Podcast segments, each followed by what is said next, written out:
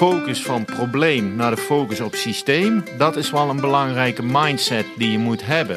Vertrouwen hebben dat je systeem wat je in de benen zet en je vakmanschap is een hele belangrijke. Welkom bij de podcast Biologisch Boeren over omschakelen naar de biologische melkveehouderij. Misschien overweeg je zelf om deze stap te maken. Zit je er middenin of ben je gewoon nieuwsgierig? In vier afleveringen nemen we je mee in de verschillende aspecten van omschakelen naar biologisch boeren. Want het woord omschakelen zegt het al. Het zal wennen, zoeken en ontdekken zijn. Maar je staat er niet alleen voor. Neem de tijd en laat je informeren. Met deze podcast bijvoorbeeld.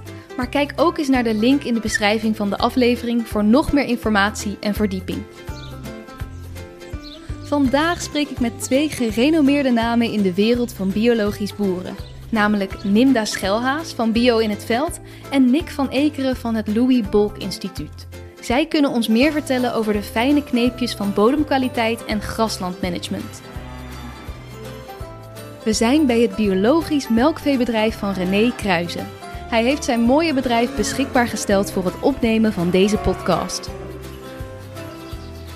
Nick en Nimda, welkom. Heel erg leuk dat jullie hier zijn, dat we hier met elkaar zijn uh, op deze mooie plek. Om te beginnen zouden jullie je misschien even willen voorstellen. Wat doen jullie in het dagelijks leven?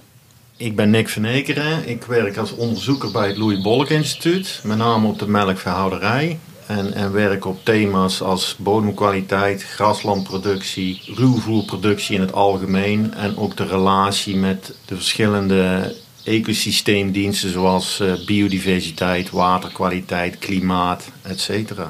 En Nimda? Ja, ik ben Nimda Schellaas. Thuis samen met mijn vrouw een biologisch melkveehouderijbedrijf. En daarnaast ben ik weidecoach en begeleid ik biologische studiegroepen van melkveehouders. Dit is de eerste aflevering van deze podcastserie. In de volgende drie afleveringen komen de thema's voeding, diergezondheid en economische strategie aan bod. Voordat we in het thema van deze aflevering duiken, wil ik even beginnen bij het begin. Wat zijn de belangrijkste voorwaarden om om te kunnen schakelen? Voor biologisch is het gewoon belangrijk om een balans te zoeken tussen de grond die je hebt en het aantal koeien, de intensiteit. Eigenlijk is een soort van vuistregel. Als je 8000 liter per hectare produceert, dan zou je eigenlijk eh, gisteren hebben moeten omschakelen. Bij 10.000 liter moet je het morgen doen. Bij 12.000 liter moet je er nog een dag over denken.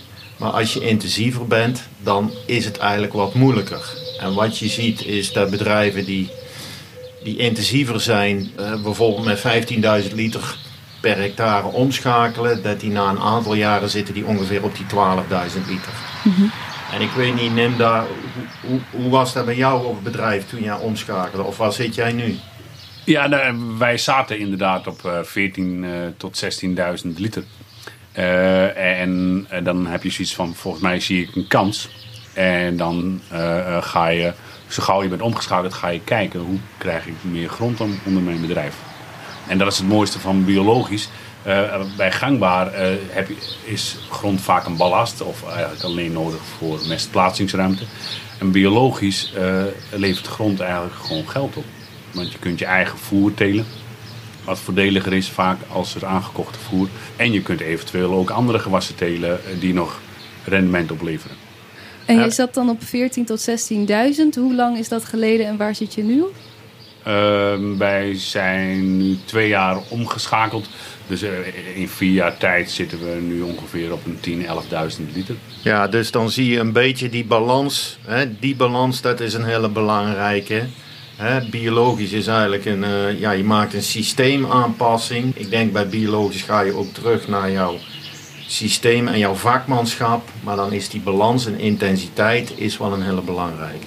Dus dat is wel een basisstap.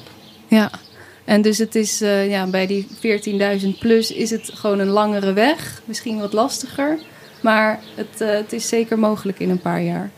Ja, 14.000 plus kun je er ook aan denken. Maar hou daar gewoon rekening mee dat dat wel een beetje een. Uh, rond de 12.000 liter is een beetje een grens. Dan, uh, dan moet je te veel voer gaan aankopen en dan, dan, dan wegen de kosten niet meer op tegen de opbrengsten.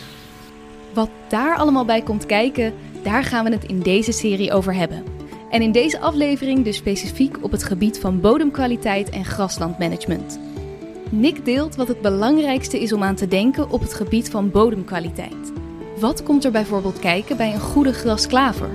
Kijk, als je dan rond die intensiteit, als je daar in dat gebied zit, dan is, is het belangrijk zeg maar, het omschakelen van je grasland. Hè? Want je, een belangrijk verschil met gangbaar is toch dat je stopt met kunstmest en geen gewasbeschermingsmiddelen of uh, herbiciden kunt gebruiken. En dat is wel een hele belangrijke stap. En vaak zeggen boeren wel van ja, ik zit nog maar op 100 kilogram stikstof en ik strooi nog maar heel weinig kunstmest. Maar die laatste stap, het stoppen met kunstmest, is wel een hele belangrijke. Of een belangrijke, uh, ja, daar is in de praktijk, valt het nog wel tegen. Mm En dan komt een belangrijk gegeven is van oké, als je stopt met kunstmest, dan heb je nog stikstof uit je bodem. Je hebt stikstof uit de mest. Maar voor een goede uh, grasklaverproductie heb je eigenlijk ook die stikstof van de klaver nodig, die stikstofbinding. En dat is een belangrijke factor waar je in de omschakeling naar moet gaan, gaan kijken van hoe kan ik mijn klaver in mijn grasland krijgen. En daar kunnen we dadelijk op ingaan van er zitten verschillen tussen zand, klei en veen. En, en dat is een belangrijke.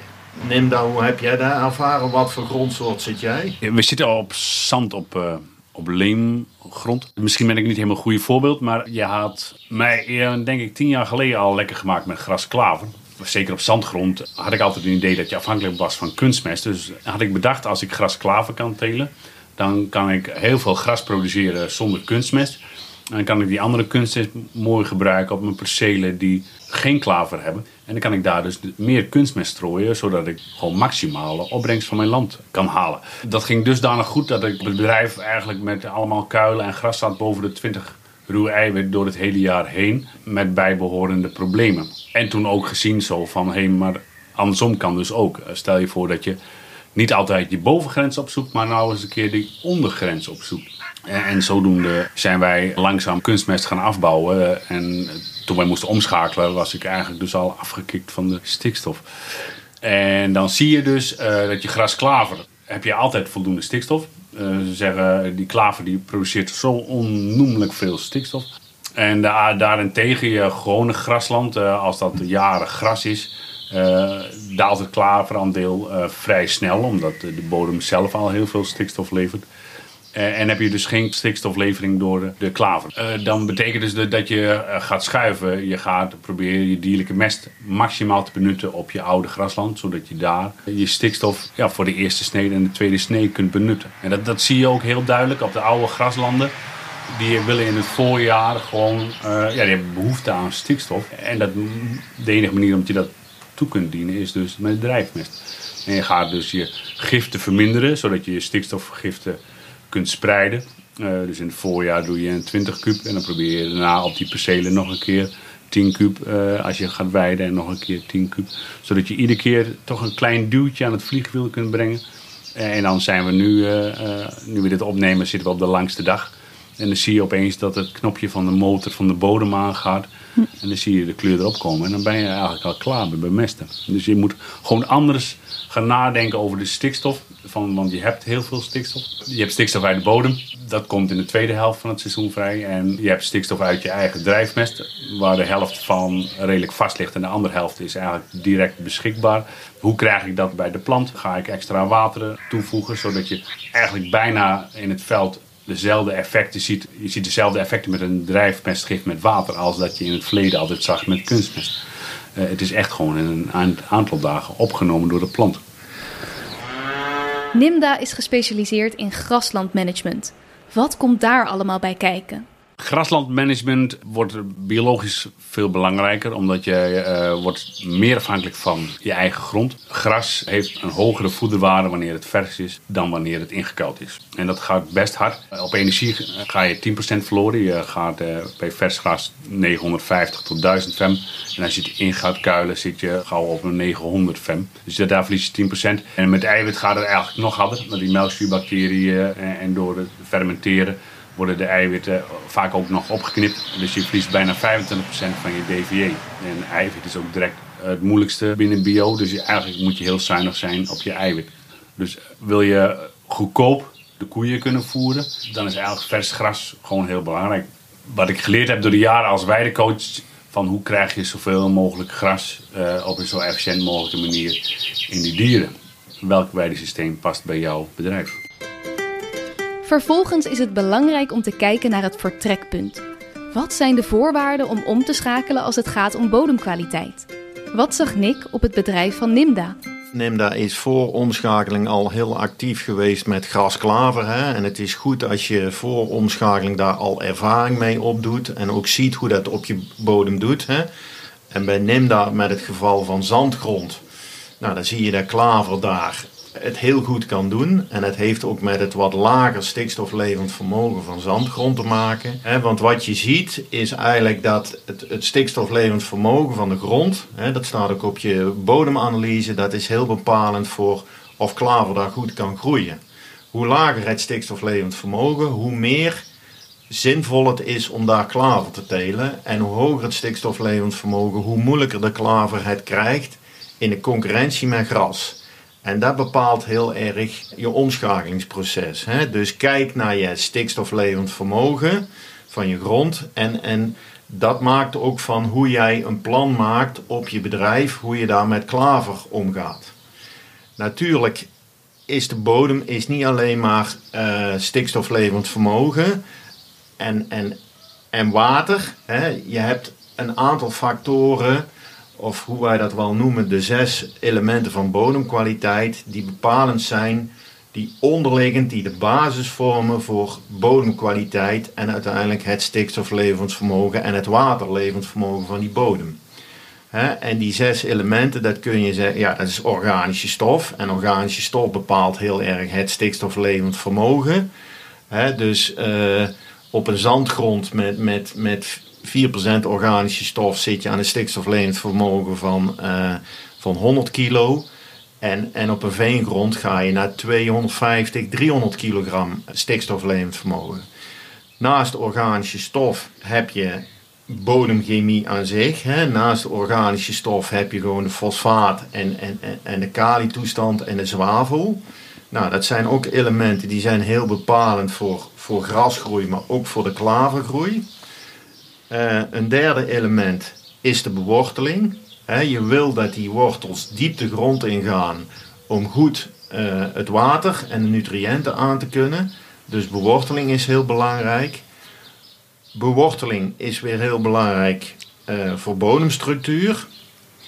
Maar bodemstructuur is ook weer belangrijk voor beworteling. Dus het hangt ook met elkaar samen. Hè? Dus je kunt die elementen die ik nu opnoem, die kun je eigenlijk niet los van elkaar zien. Als jij een goede beworteling hebt onder je grasland, heb je vaak ook een goede bodemstructuur. Maar een goede bodemstructuur maakt het ook weer mogelijk om goed te bewortelen. Mhm. In die interactie van wortels en bodemstructuur is ook het bodemleven heel belangrijk. Het bodemleven moet aan de ene kant zit, voedt zich op die wortels en zorgt ook voor die uh, bodemstructuur. Aan de andere kant maakt het bodemleven juist ook heel veel nutriënten vrij. Niet alleen uit de bodem, maar ook uit de gewasresten. Last but not least is eigenlijk de waterhuishouding. dus uh, heb jij, eh, jouw waterlevering is gewoon heel belangrijk uh, voor uiteindelijk jouw productie. maar zoals gezegd, die elementen hangen ook met elkaar samen. Om een voorbeeld te noemen, als jouw pH goed is, heb je veel wormen. Wormen maken uh, wormengangen en daardoor heb je een goede waterinfiltratie. Die pH is ook weer belangrijk voor bodemstructuur en zorgt ook weer voor een goede waterinfiltratie. Beworteling is belangrijk voor een goede bodemstructuur en zorgt ook voor een goede waterinfiltratie. Dus je ziet al dat al die elementen die hebben een verbinding met elkaar en je kunt ze niet los van elkaar zien. Je kunt een hele goede bodem hebben, maar als jouw zwavelvoorziening niet goed is, dan kan eigenlijk klaver niet goed groeien en in ieder geval de stikstof niet omzetten in eiwit en heb je gewoon een lagere voederwaarde. Dus het hangt allemaal met elkaar samen. En ja, dus uiteindelijk die bodem die is de basis voor een goede grasklaverproductie. Dank Nick voor deze heldere opsomming. Ik zal de zes elementen nog even herhalen: waterhuishouding, structuur, beworteling, organische stof, bodemleven en bodemchemie. Deze hangen dus allemaal met elkaar samen. Maar hoe weet je dan welke je moet aanpakken? Of welke het belangrijkste is bij jouw bodem? Je kent je bodem, of je moet hem ook leren, beter leren kennen. Hè? Mogelijk ga je hem biologisch beter leren kennen. Want je hebt, doordat je kunstmest hebt gebruikt, daar kun je wel een beetje bodemkwaliteit mee maskeren. Niet geheel, hè, maar gedeeltelijk kan dat. Uh, dus je gaat hem biologisch ga je hem ook beter kennen. Maar ik begin eigenlijk altijd gewoon met een kuilanalyse. En op de kuilanalyse, aan de hand van de mineralen, kun je eigenlijk al een beetje zien van hoe zit het met de mineralen op dit bedrijf. En je kijkt dan vaak naar het fosfaat, of het fosforgehalte in de kuil, het kaliumgehalte, het zwavelgehalte, het calciumgehalte. En dat zijn allemaal dingen die al iets zeggen over die bodem. Dan ga je naar de bodemanalyses. Nou, daar staan heel veel dingen op tegenwoordig. Maar belangrijk is gewoon op die bodemanalyse dat je eerst eens even kijkt van wat is nu mijn organische stof? Wat is mijn stikstoflevend vermogen? Waar zit mijn pH? En je kijkt ook even naar de fosfaat, kali en zwaveltoestand. Nou, dat kun je allemaal binnen. Gewoon aan je bureau gewoon eens kijken van wat heb ik allemaal. Maar dan wordt het ook belangrijk om een keer naar buiten te gaan en een schop in de grond te zetten en gewoon eens te kijken van nou, oké, eh, hoe is je bodem opgebouwd? Echt gewoon een gaatje te graven. Hoe diep gaat mijn beworteling? Hè? En zit je beworteling zit die, uh, op een meter diep? Dan lijkt het gewoon op zich wel goed te zijn. Maar blijft de beworteling op 10 centimeter hangen, ja, dan is de bodemstructuur niet goed. Dus probeer een combinatie te maken van wat je aan analyses hebt, aan cijfers hebt en ga ook eens een gaatje graven in de grond. Dus dit vormt een beetje de, de basis van jouw productie, van jouw ruwvoerproductie. En dan wordt het uiteindelijk ook belangrijk om, om een plan te maken bij omschakeling van oké, hoe zijn nu mijn percelen en waar ga ik uh, beginnen met mijn klaver. Om deze podcast zo bruikbaar mogelijk te maken, werken we graag met denkbare voorbeelden uit de praktijk. Bij deze de eerste. Stel, ik ben me aan het oriënteren op omschakelen naar biologisch. Ik zit op klei, jaarlijks bemest ik met kunstmest en ik heb last van distel- en ridderzuring. Wat kan ik dan doen? Kijk, als je aan het oriënteren bent op biologisch, eh, dan is het denk ik goed om ervaring op te gaan doen met klaver. Als je met klaver aan de gang wilt, dan ga je naar het stikstoflevend vermogen kijken. Waar zit ik op mijn grond? En zit ik op klei, op lichte klei of op zware klei? Kan ik makkelijk her en zaai doen?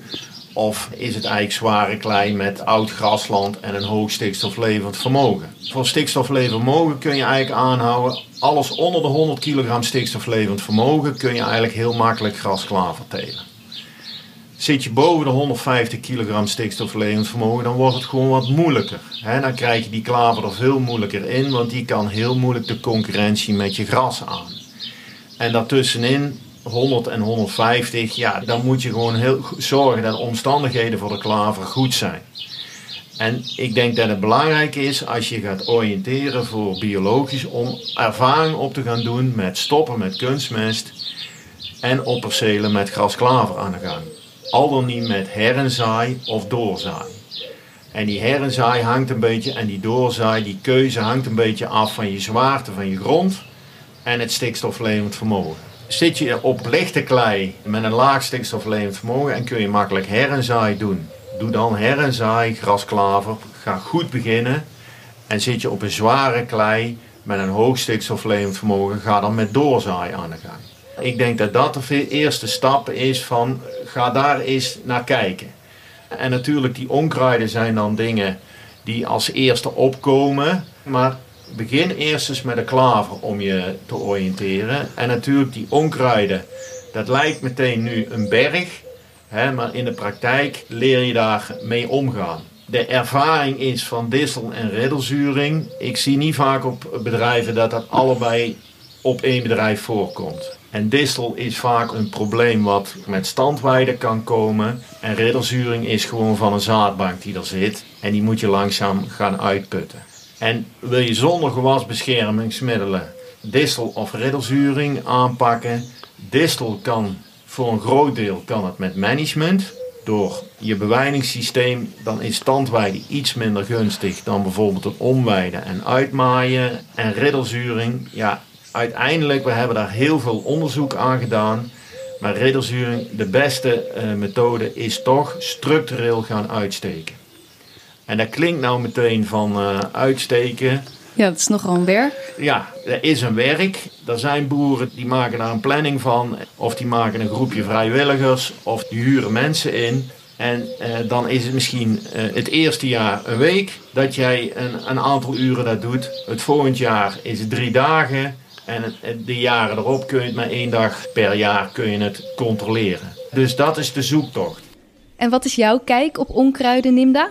De angst voor kweek, distels en redesturing is eigenlijk zeker voor het omschakelen groot bij boeren. Hoe ga je dat doen? Want we mogen geen glyfosaat meer gebruiken. De meeste boeren gaan toch altijd netjes met de rugspuit eh, het land in. Mensen die nadenken over omschakelen, die zijn al wat meer met gras bezig en met, met hun land bezig. Dan die laatste stap om eh, helemaal die rugspuit uh, los te laten. Geen glyfosaat gebruiken bij herinsaai als je kweek hebt. Dat is best een grote stap.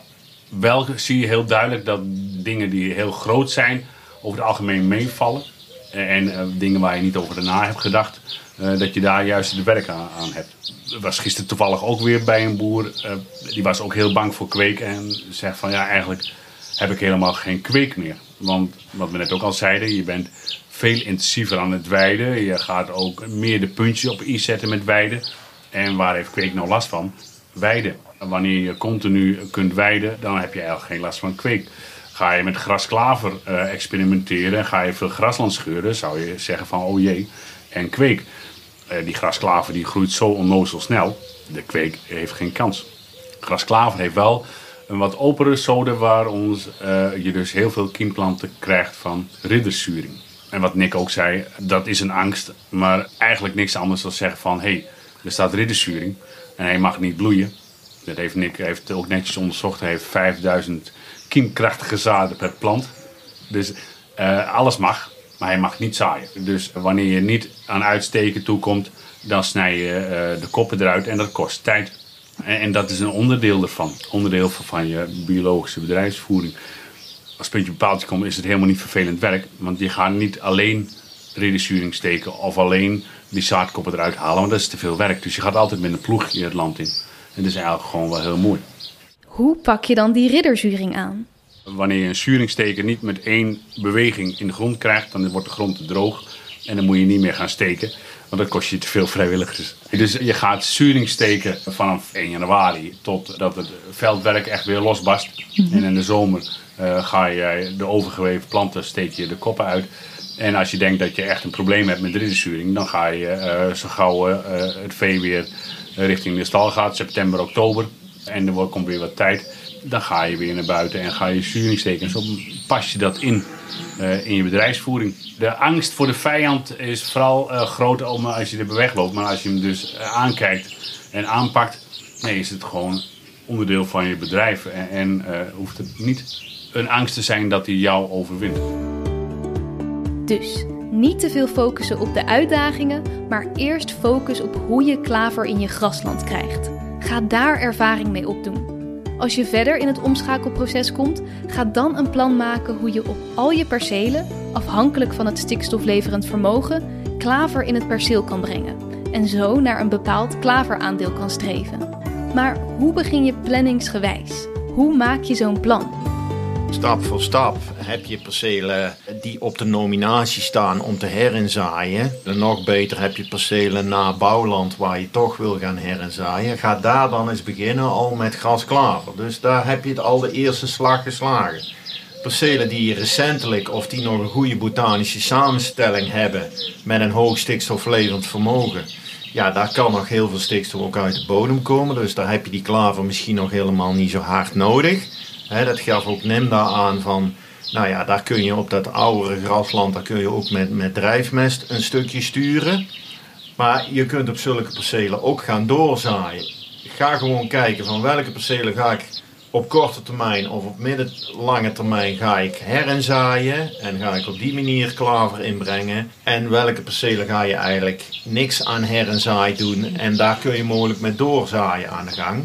En met doorzaaien is het een kwestie van ja, je wil die klaver erin krijgen. Hè? En, en, en je hebt daar verschillende doorzaaimachines voor. Klaver kun je op zich oppervlakkig zaaien en dan met een wieteg inbrengen.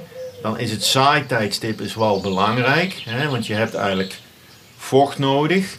En je wil dat het gras niet te veel concurrentie geeft. Dus je kunt het zeg maar eh, eind maart, begin april doen. Of zeg maar begin september.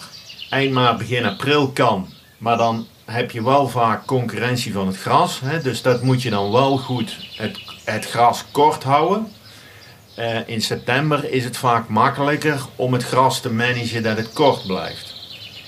Wil je echt wat rigoureuzer aan de gang gaan, hè, je kunt ook naar, tegenwoordig zijn er ook een aantal machines, uh, de strokenvreesmachines, waarin je de klaver en kruiden kunt doorzaaien. Je hebt ook een soort van tussenmethode tussen herenzaai en doorzaai, waarin je eigenlijk vol vels je grasland gaat frezen. Dat klinkt nou rigoureus, dat doet misschien pijn. Dat moet je ook niet met het, met het meest drogende weer doen. Dat kan wat grof. En dan ga je eigenlijk klaver bijzaaien. Dat gras dat komt, herstelt zich wel.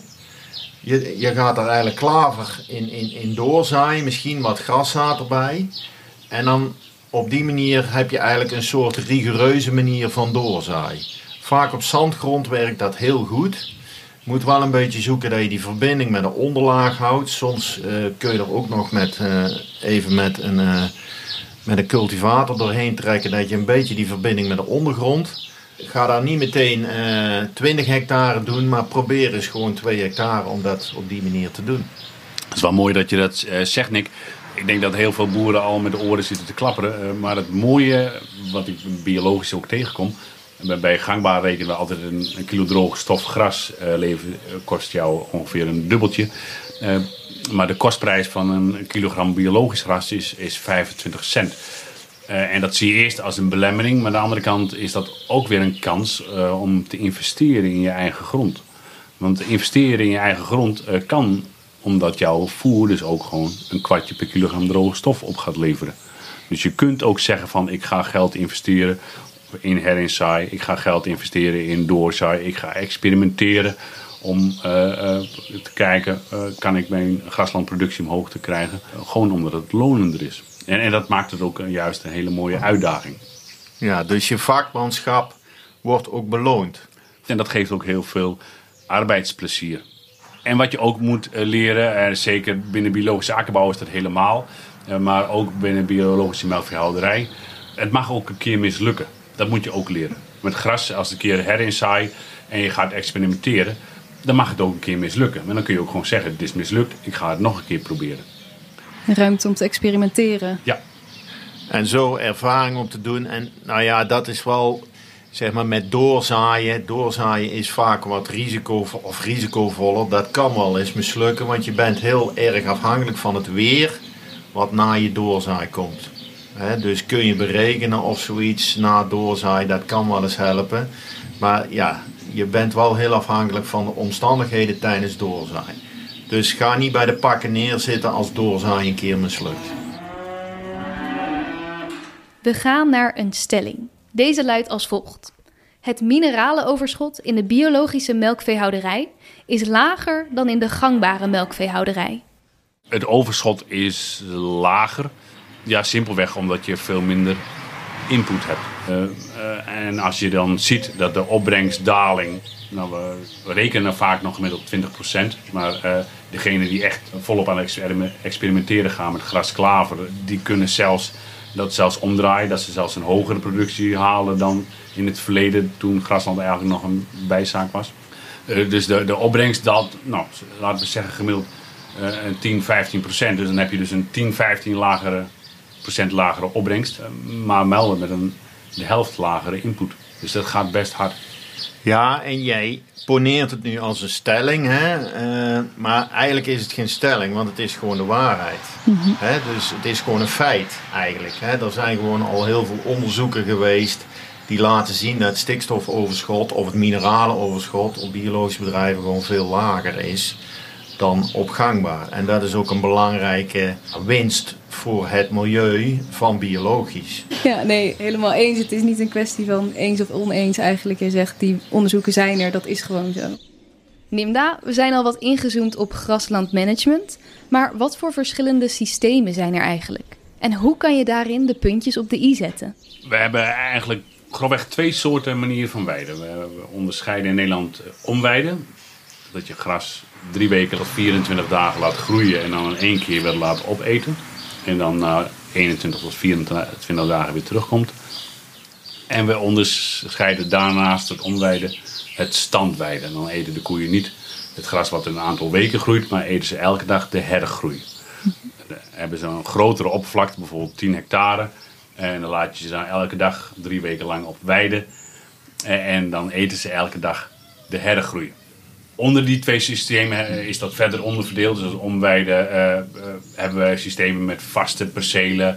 Je hebt stripgrazen en dergelijke, die systemen. Standweiden is verder ontwikkeld naar roterend standweiden. En wat we de laatste jaren zien is het nieuw Nederlands weiden. Dat je dus één keer in de vijf weken maait. En na het maaien weer een nieuw platform uitkiest waar ze dan weer vijf weken op gaan weiden. Dus die, ja, er zijn eigenlijk dus heel veel systemen van weiden. En dan is eigenlijk de kunst van welk systeem past bij de boer. En bij je grondsoort, bij je verkaveling. Ja, maar neem nou, ik heb wel een vraag. Als je nou als boer gaat omschakelen, moet je dan, hè, je hebt een bepaald bewijningssysteem, moet je dan ook iets aan je bewijningssysteem veranderen? Of zijn er argumenten voor om je bewijningssysteem te gaan veranderen? Het enige argument wat, wat je eigenlijk wel naar zou moeten kunnen kijken van kan ik met het huidige systeem wat ik heb het maximale hoeveelheid vers gras in de koeien krijgen. Kijk, als je een systeem hebt dat het aantal uren buiten zijn wat verplicht is voor je melkafnemer, ja, dan is het gewoon heel interessant om te kijken naar het systeem van hey, hoe, hoe krijg ik meer vers gras in mijn, in mijn koeien. Want dat gaat gewoon een groot deel van jouw voerkost bepalen. En ga eens kijken van, ja, ik weide nu altijd overdag uh, acht uurtjes. Al wel van april tot oktober. Maar uh, als mijn, mijn kavel groot genoeg is, zou ik ook dag en nacht kunnen weiden. Ja, en ehm, of je dat dan op een omwijde manier doet of op een standwijde manier. Ja, daar zijn allebei wel voor- en nadelen voor te noemen. Het voordeel bijvoorbeeld van standwijde of van, van Nieuw-Nederlands weide is dat het een heel rustig systeem is. Dat je dus elke dag hetzelfde hebt. En dat is voor de koeien ook heel mooi dat het elke dag hetzelfde is. Dus dan kun je vaak een iets hogere melkproductie halen. Alleen dan lever je weer in op graslandproductie, omdat je het gras natuurlijk elke dag zit te plagen. Uh, dat er iedere keer een beetje afgegeten wordt. En als je dus zegt van nee, maar ik wil echt gewoon het maximale uit mijn grond halen, dan ga je naar een omwijdensysteem. Maar dan heb je dus ook een hele planning nodig van hé, hey, waar ga ik over drie weken naartoe? Je moet eigenlijk continu de hele zomer lang drie weken vooruit plannen. En niet alleen met weiden, maar dus ook met maaien, zodat je altijd een beschikbare weide uh, daarvoor hebt. Ja. Ja, maar ik, ik, ik vraag het ook, want je geeft zelf ook al aan van, uh, hè, als je bijvoorbeeld elke met standweiden ga je eigenlijk het gras een beetje plagen, hè, omdat je elke keer wat aan nibbelt. Als biologische boer moet je ook steeds meer gaan denken van hoe kan ik het gras plagen? Want hoe meer je het gras plaagt, hoe beter de klaver het doet. En klaver is belangrijk voor de stikstofbinding en dat bepaalt uiteindelijk weer de productie. Dus ja, je moet soms ook weer gaan omdenken. Van soms moet je eigenlijk gaan bedenken van, uh, hè, met name als je wat hoger stikstoflevend vermogen hebt van je grond, dan is het moeilijker om je klaver erin te houden. En dan is eigenlijk, kan standweiden, of misschien nog wel extremer koortsrazen, kan eigenlijk heel goed werken om je klaver erin te houden, omdat je het gras ultiem aan het plagen bent. Ja, dat klopt, Nick. Dat is het mooie juist weer uh, van biologisch boeren. Je leest heel veel in vakbladen en je, uh, je kunt heel veel kennis vergaren. Maar het is eigenlijk altijd weer gewoon op je eigen bedrijf naar buiten toe en kijken uh, wat er gebeurt. ik ben aan het standweiden en ik zie meer klaver. Oh, het kan dus. Dus ik kan dat gaan uitbreiden. En dan kun je dus in principe met het systeem wat bij jou past en bij jouw grondsoort past, kun je dus een hoger rendement halen dan wat er in de boekjes wordt vermeld. En misschien wel belangrijk, hè, dan hebben we het hier nu met name over witte klaver. Voor weiden is witte klaver wel een belangrijke. Hè, en die, die kun je dus door korter te grazen of korter te stoppelen, waarmee je het gras gaat plagen, kun je die stimuleren. Rode klaver is eigenlijk meer voor maaien.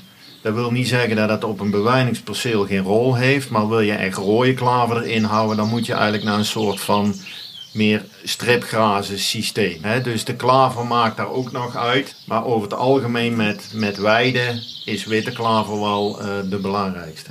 En er is dus niet één systeem het allerbeste voor bij het omschakelen. Maar het is ook weer een kwestie van experimenteren dan voor de boer. Ja, ga verdiepen in wat voor systemen er zijn. En ga op zoek naar een systeem wat bij jou past bij jou, maar ook denk ik ook bij je grondsoort. En zit je dus op een grond met een hoog stikstoflevend vermogen, met grond die je minder makkelijk kunt, kunt ploegen, hè, misschien een veen of een zware kleigrond, dan lijken mogelijk wel, wel standweidesystemen idealer om klaver erin te houden dan omweidesystemen. Jullie spreken een hoop boeren. Ehm, als ik jullie zo hoor, dan zijn er een hoop uh, mooie uitdagingen. Ja, wat is nou de meest voorkomende vraag? Waar lopen boeren vooral tegenaan op dit gebied? Nou, het is wel leuk hoe je het vraagt, hè? De, de uitdagingen. Dus je formuleert het al heel positief. En zo is het vaak ook in biologisch. Wat wij gangbaar wel vaak zien, wordt vanuit problemen gedacht. Hè? De focus op het probleem. En bij biologisch ga je veel meer focussen op het systeem. Dus je gaat veel meer het systeem, je bedrijf, je, je bodem, dat is je basis, je grasland, dat is je basis. En dat probeer je goed te hebben, dat systeem. En dan, dan moet een aantal dingen moeten zich vanzelf oplossen. En we hadden het net ook over onkruiden. Hè? En, en Nimda had het bijvoorbeeld over kweek. Ik hoor nooit één biologische melkverhouder over kweek. Problemen met riddelzuring, en distel, die vragen komen nog regelmatig terug, maar vaak is het bij omschakelaars waar die vraag vandaan komt. Boeren die langer omgeschakeld hebben, hoor ik het probleem van riddelzuring of distels hoor ik helemaal niet. Dat lost zich op of ze hebben het opgelost. En ik denk wel dat die focus van probleem naar de focus op systeem, dat is wel een belangrijke mindset die je moet hebben. En daardoor moet je wel meer op je systeem vertrouwen hebben dat je systeem wat je in de benen zet en je vakmanschap is een hele belangrijke. Maar neem dat jij hebt veel studieclubs. Wat zijn nou de, meest, de meeste vragen die jij tegenkomt? Ik heb wel eens gezegd van jongens, het lijkt wel of we lid zijn met z'n allen van de club Blije Biologische Boeren. Binnen gangbaar heb je heel snel zoiets van, hey, die problemen die mogen er niet zijn. En binnen biologisch inderdaad heb je heel snel van, hé hey, dat is een probleem, hoe lossen we dat op? En, en je wordt eh, daar ook steeds flexibeler in. Je hebt reduzuring, er zijn distels. Uh, en dan heb je in zo'n groep heel vaak zoiets van, ja, hoe, hoe, gaan we dat oplossen? En hoe doe jij dat? En iedereen doet het op zijn eigen manier. Het wordt niet als een last meer ervaren. Waar je voor omschakelen uh, echt wel tegenop kan zien. Is gewoon een onderdeel van je bedrijfsvoering, van je systeem, zoals je zegt. En gaat gewoon mee. En hoe zit het dan met productieverlies? Als vuistregel uh, wordt er vaak gezegd dat grasland 20% minder oplevert een kilogram droogstof. Biologisch, dus zonder kunstmest en met minder mest dan gangbaar. Daar moet je zeker in de omschakeljaren wel rekening mee houden, want grond moet eraan wennen. Je kunt natuurlijk dat omschakelproces verlengen. Dus stel je bent al vijf jaar aan het experimenteren met grasklaver, dan zijn die percelen die vallen daar buiten. En dan heb je ook een idee van wat daarmee kan. Oudere percelen kunnen misschien weer er langer over doen om helemaal te wennen aan dat ze stikstofloos door het leven moeten gaan. Dat is het waar mensen tegenaan hikken en wat ook best groot kan zijn. Maar dat is ook als je daarvan uitgaat dat het daadwerkelijk zo is, kun je daar eh, naartoe werken van hoe ga ik dat verlies opvangen. En hoe kunnen ze dat doen? Als jij uh, gangbaar gewend bent dat al bijvoorbeeld 15 jaar op een aantal percelen grasklaver staat en, en dat zijn lichte gronden, dan kun je gras klaar telen. Eh, en als je dat op de goede manier doet, eh, kun je wel een hele hoge opbrengst halen. En dan praten we dus ook wel over 12 ton droge stof. Nou, ik denk wel wat Nimda zegt. Hè, het is ook hoe, hoe bewust je daar al instapt en hoe bewust je daar van tevoren voor je omschakeling mee bezig bent. Ben je bewust dat dat kleine beetje kunstmest wat je nog strooit vaak nog heel bepalend is. Denk daar niet te makkelijk over die omschakelperiode die kost tijd en vaak gaat het gewoon productieverlies kosten. Ben daar bewust van dat dat gaat gebeuren. En hoe meer je al met klaver aan de gang bent, hoe beter je dat kunt dempen, zeg maar, dat productieverlies. En hoe sneller je weer boven Jan bent. Een goede grasklaver hoeft qua productie niet onder te doen voor gangbaar grasland met kunstmest. Maar natuurlijk, je kunt niet overal op jouw bedrijf een goede grasklaver hebben meteen. Dus dat kost tijd. Dan heb ik nog een stelling. Als onkruid de overhand neemt, is er maar één optie: doorzaaien. Ja, ik vind het een interessante stelling, omdat ik volgens mij niet zoveel met elkaar te maken heeft. Ik, ik denk dat er ook vooral gedoeld werd op jouw stelling die je jaren geponeerd hebt. Eh, niet zeuren, maar scheuren. Ja, eh, niet zeuren, maar scheuren. Kijk, dat, dat is eigenlijk, wil je... Oké, daar komt dat vandaan. Ja, kijk, eh, doorzaaien heeft zijn risico's. En als je gaat omschakelen, dan zul je percelen moeten doorzaaien. En heb je zware grond, dan zul je met percelen moeten doorzaaien met klaver. Maar doorzaaien heeft niet altijd het beste resultaat. Hè? Het komt of pleksgewijs, of te weinig, of te veel, maar nooit hoe je het precies hebben wil. En dan komt eigenlijk gewoon de stelling van niet zeuren, maar scheuren. Niet te lang ouwe hoeren, gewoon herenzaaien. Maar soms kan dat gewoon niet. Of je kunt bij omschakelen niet alles herenzaaien. Dus dan zul je toch moeten gaan doorzaaien. Ik denk niet altijd dat een perceel met heel veel onkruid of heel veel ridderzuring dat, dat herenzaaien meteen gaat helpen. Maar dat zou kunnen helpen. Ja, afhankelijk van welk onkruid je hebt. Nick, we hebben het er nu niet veel over gehad, maar jij hebt heel veel ervaringen ook in het buitenland. Teruggrijpend op die ervaringen, wat zie jij als grootste of belangrijkste verschil? Nou ja, ik heb in het buitenland, met, name in, in Azië en, en West-Afrika gewerkt. Ik wil eigenlijk niet praten over verschillen, maar eigenlijk over de overeenkomsten. Hè? Mensen zijn daar ook heel verbonden met hun grond. En als je bijvoorbeeld met een boer in uh, West-Afrika praat, wat voor grondsoort heb je? Daar kan hij eigenlijk op beide handen kan hij die niet tellen. Terwijl we in Nederland zeggen we hebben zandgrond, zal hij er plusminus 11 opnoemen op zijn 3 hectare die hij heeft. Zoveel verschillende type grond heeft hij waar hij zeg maar zijn beheer op afstemt.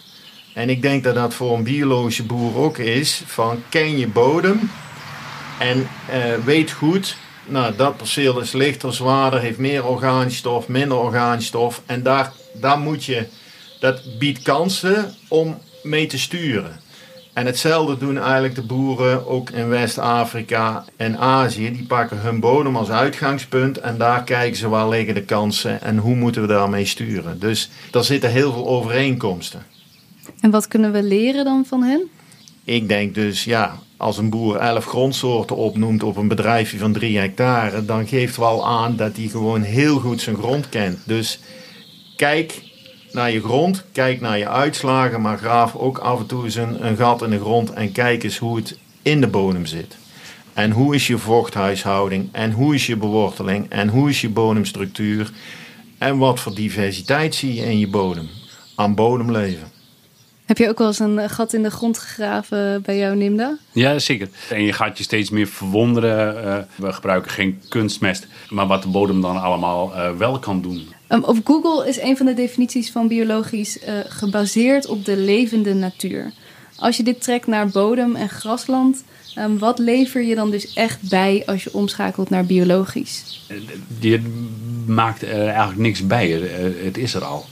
Als je een handvol grond neemt, zit daar, ik meen een aantal kilometers aan schimmeldraden zitten erin. Miljarden bacteriën.